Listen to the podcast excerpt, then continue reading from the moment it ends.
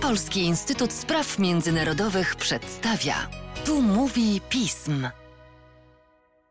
W podcaście Polskiego Instytutu Spraw Międzynarodowych witam Państwa Łukasz Jasina. Moim gościem jest dzisiaj Marcin Andrzej Piotrowski. Dzień dobry Marcinie. Witaj Łukaszu. A skoro ty, to rozmowa o zagrożeniach trochę innego typu niż zagrożenia polityczne. E, napisałeś e, i ukazał się niedawno na stronie naszej instytucji biuletyn o, o tym, jaki wpływ ma pandemia COVID-19 na, na skuteczność systemu ostrzegania przed zagrożeniami biologicznymi w Stanach Zjednoczonych. Systemu bardzo ważnego, kontrowersyjnego, mm. który budził przecież nasze zainteresowanie bardzo mocno w ciągu ostatnich dwóch dekad, zwłaszcza po ataku na World Trade Center. Wąglik swego czasu stał się nawet wręcz symbolem nowych zagrożeń mm. biologicznych. Tymczasem pandemia, będąca w sensie ścisłym bardzo poważnym zagrożeniem biologicznym, spowodowała w Stanach Zjednoczonych wiele problemów. Wśród nich również to, że niektórzy uznali, że jest to swego rodzaju Pearl Harbor dla Ameryki. Mm -hmm. Czyli wręcz takie, takie gigantyczne, nowe zagrożenie, którego nikt nie przewidział i w wypadku którego e, przy jego przewidywaniu popełniono błąd. Czy naprawdę zakres kompromitacji amerykańskich e, służb wywiadowczych decydentów jest tak szeroki, jak niektórzy publicyści twierdzą? E, to krótka odpowiedź byłaby taka, że żadnej kompromitacji moim zdaniem wywiadu nie było, tak jak Super. to było miejsce w przypadku Pearl Harbor, ataku na Pearl Harbor czy ataku terrorystycznego 9.11. Natomiast no, to była rzeczywiście porażka po stronie polityków i, i, myślę, że to jest coś, za co e, prezydent Trump e, no, w najbliższych wyborach odpowie, a odpowiednio niższym wynikiem poparcia. E, więc tutaj tak, masz rację, rzeczywiście po, 2000, po tych początkowo tajemniczych atakach wąglikiem w 2001 roku został, za, za, zaczęto rozbudowywać cały ten system, nazwijmy to, wczesnego ostrzegania o zagrożeniach biologicznych.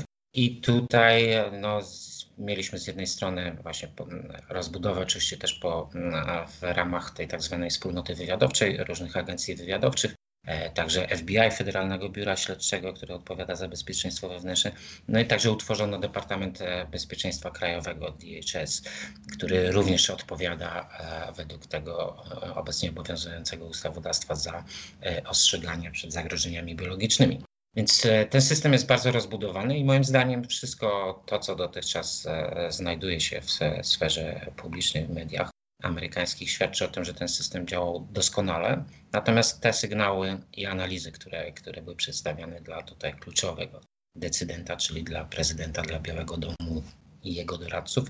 E, tutaj rzeczywiście mieliśmy, no nie, jeśli nie wielotygodniowe, to może nawet i, i dwumiesięczne opóźnienie, e, zanim e, Biały Dom zaczął coś z tym robić. Więc ta sekwencja jest bardzo niekorzystna i tak jak mówię, niezależnie od tego, że mm, cała ta mm, skomplikowana problematyka będzie przedmiotem dochodzenia jakiegoś takiego śledztwa właśnie prowadzonego przez kongres, e, coś na wzór tej e, tak zwanej komisji 911, to myślę, że wynik e, tego dochodzenia jest łatwy już w tym momencie do przewidzenia i że jednak to nie była ta intelligence failure, czyli, czyli błąd, porażka wywiadu, ale to było właśnie policy failure, czyli, czyli błąd decydentów po stronie decydentów i polityków. Jak duży to może mieć wpływ na autorytet Stanów Zjednoczonych, że powiem lekko patetycznie, oczywiście w tym europejskim znaczeniu słowa patetycznie? Znaczy myślę, że, że tutaj każdy i to o tym, o tym też jakby taki wniosek e, pozytywny, jaki płynie z tego mimo wszystko, mm, że ten system ostrzegania działał. Natomiast to oczywiście nie, nie zmienia i tutaj chyba nikt nie ma złudzeń, że, że e, na podstawie tego, co już wiemy, że, że ten system zadziałał prawidłowo, bo on ostrzegł wcześniej i tutaj to zarówno można mówić o takich e, ostrzeżeniach strategicznych, czyli o tym, że od lat i także w jawnych materiałach dla kongresu i dla opinii publicznej amerykańskiej wywiad ostrzegał przed e, groźbą powstania takiej pandemii właśnie pochodzenia zwierzęcego bardzo groźnej, to, to, to ja to obserwuję, że to co najmniej od, od dekady w tych różnych jawnych raportach e, było prezentowane tego typu ostrzeżenie strategiczne. Mieliśmy też ostrzeżenia, które zostawiła po sobie administracja Obamy, czyli, czyli jego doradcy z Rady Bezpieczeństwa Narodowego NSC, którzy też przygotowali w 2016 roku taki specjalny raport, który pokazywał, e, jakie są problemy, e, jakie były problemy przy zarządzaniu kryzysem związanym z wirusem Ziki i wirusem e, eboli. I tutaj e, też te, te, te materiały no w żaden sposób nie zostały, to, to ostrzeżenie strategiczne, wszystko to, co tam wskazano, w tym raporcie NSC na temat tego, że, są problemy mm, z procedurami, z reagowaniem, z podziałem kompetencji między władzami federalnymi a władzami stanowymi. Wszystko to niestety się sprawdziło i tutaj wygląda na to, że na tym poziomie też e, ta administracja nie wyciągnęła żadnych wniosków i, doświadczeń poprzedników. No i wreszcie to, co opisuję dosyć szczegółowo mm, w biuletynie, no czym mamy, łatwo jest też odtworzyć sekwencję ostrzeżeń, nazwijmy to taktycznych, które płynęły, no jeśli nie od listopada, to już na pewno od grudnia i, i na pewno w styczniu prezydent Trump otrzymał takie, takie opracowanie, które się nazywa Presidential Daily Briefing od wywiadu i w którym w połowie stycznia miał już bardzo wyraźne ostrzeżenie, że e, ta pandemia nie, nie ograniczy się do Chin i że, że może stanowić zagrożenie także dla obywateli amerykańskich. Mówiłeś o tym, że być może prezydent Trump będzie za to odpowiedzialny. Czy pojawiały się już w Stanach Zjednoczonych mocniejsze głosy wypominające Donaldowi Trumpowi brak reakcji na, mhm. na opinię fachowców? Nie, no to to jest cały czas. Oczywiście trzeba pamiętać, że, że jest to element walki politycznej, że jest to, jest to upolitycznione. To, to też nie jest przypadek, że aż taki mieliśmy urodzaj a, a, tych przecieków do, mm, do mediów amerykańskich, bo, bo z jednej strony jest jasne, e, że wywiad chciałby urzędnicy być może, że średniego albo niższego szczebla chcieliby właśnie pokazać, że, że nie było żadnego intelligence fail, byli kompetentni, ostrzegali na czas. Tutaj mamy oczywiście też e, no, demokratów i, i, i kampanię Joe Bidena i tutaj myślę, że, że akurat dla nich to, że też nieprzypadkowo, że taka ilość tych informacji, które dają podstawę właśnie do takiego dochodzenia specjalnego śledztwa kongresowego, e, no to to jest oczywiście też działa na korzyść e, kampanii Bidena. Więc myślę, krótko mówiąc, że tak, że, że będzie bardzo trudno. No, dosłownie wczoraj czy przedwczoraj widzieliśmy te 100 tysięcy, prawda, na tym przykrym liczniku ofiar koronawirusa w Stanach Zjednoczonych, więc nie wydaje mi się, żeby mm, mimo talentu no, rzeczywiście który trudno odmówić prezydentowi Trumpowi do mm, tego, żeby wyjść z różnych trudnych sytuacji obronną ręką i obarczyć kogoś innego odpowiedzialnością, no myślę, że będzie bardzo trudno w tym przypadku uniknąć takiej odpowiedzialności politycznej, bo tutaj nie, nie, nie spodziewałbym się, że jakieś konsekwencje prawne.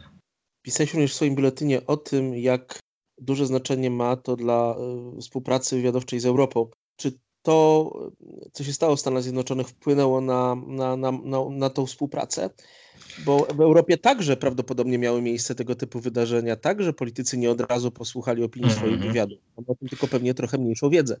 Znaczy to jest oczywiście, bo, bo, nie mamy na to czasu, ale to, to jest szerszy problem, znaczy taka, ten, ten nazwijmy system ostrzegania przed zagrożeniami biologicznymi to oczywiście nie jest tylko kwestia wywiadów, bo to jest także różnych departamentów czy ministerstw zdrowia.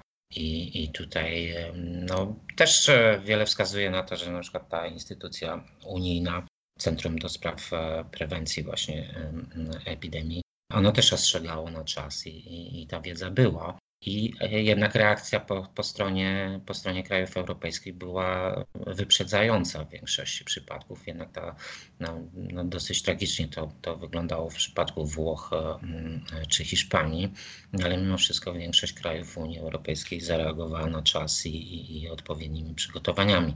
No i tego to w przypadku Stanów Zjednoczonych niestety, ale dopiero miało miejsce w połowie lutego, czy, czy właściwie na początku marca. Więc tutaj mamy dwa miesiące opóźnienia w stosunku do tych e, ostrzeżeń.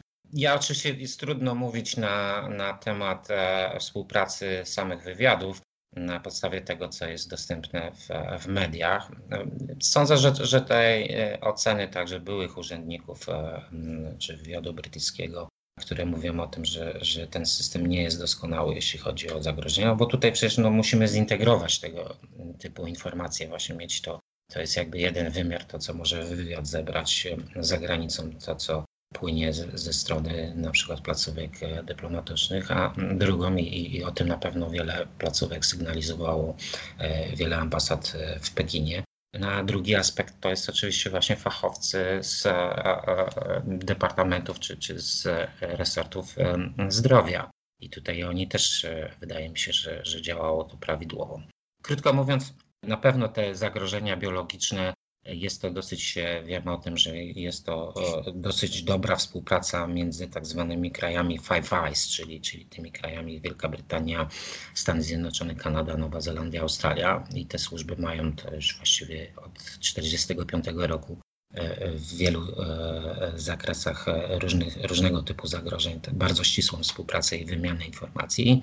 Też z mediów kanadyjskich, brytyjskich wiemy, że, że te informacje były już wymienione jeśli nie w końcu grudnia, to na, na początku stycznia. Więc wydaje mi się, że no, jakby problem polega na tym, żeby ta współpraca i wymiana tego informacji zintegrowanej, takiej scalonej informacji i wywiadowczej, i, i medycznej, a, a, że ona powinna być poszerzona, wymiana tego typu informacji poza te kraje, poza tych pięć krajów e, Five Eyes. To, to jest, wiemy teraz po pandemii koronawirusa, że, że jest to coś, co jest, wymaga pilnej reakcji i wymiany informacji wywiadowczych, także wymiany informacji wywiadowczych, a nie, jak to się mówi, trzymania ich za pazuchą i w bardzo wąskim gronie. Więc e, myślę, że, że tutaj odpowiednie instytucje, czy w Stanach Zjednoczonych, czy w krajach europejskich, czy w ramach struktur natowskich, myślę, że tak, taki wniosek już też e, wyprowadziły. A i my mamy pewien wniosek, żeby jednak czasem ufać profesjonalistom, bo. No, myślę, że to jest tak, że to jest, to jest cała e, historia z pandemią e, COVID-19, to jednak pokazuje, że należy słuchać ekspertów. Tak jest, bo oni popełniają błędy jednak rzadziej niż w pewnych sytuacjach politycy, bo zależy im na prawdzie. Dokładnie. Dziękuję Ci bardzo Dziękuję za, również. za to krótkie przybliżenie i popularyzację tej mało stosunkowo podobno nadającej się do popularyzacji kwestii. Ale jak się okazuje, nas wszystkich to dotyka, więc, więc myślę, że warto, warto na ten temat też rozmawiać. I czytać także biuletyn Marcina Andrzeja Piotrowskiego na stronie pism, do czego Państwa zachęcam. Tak jest. Marcinie, życzę Ci zdrowia i do usłyszenia. Również. Pozdrawiam.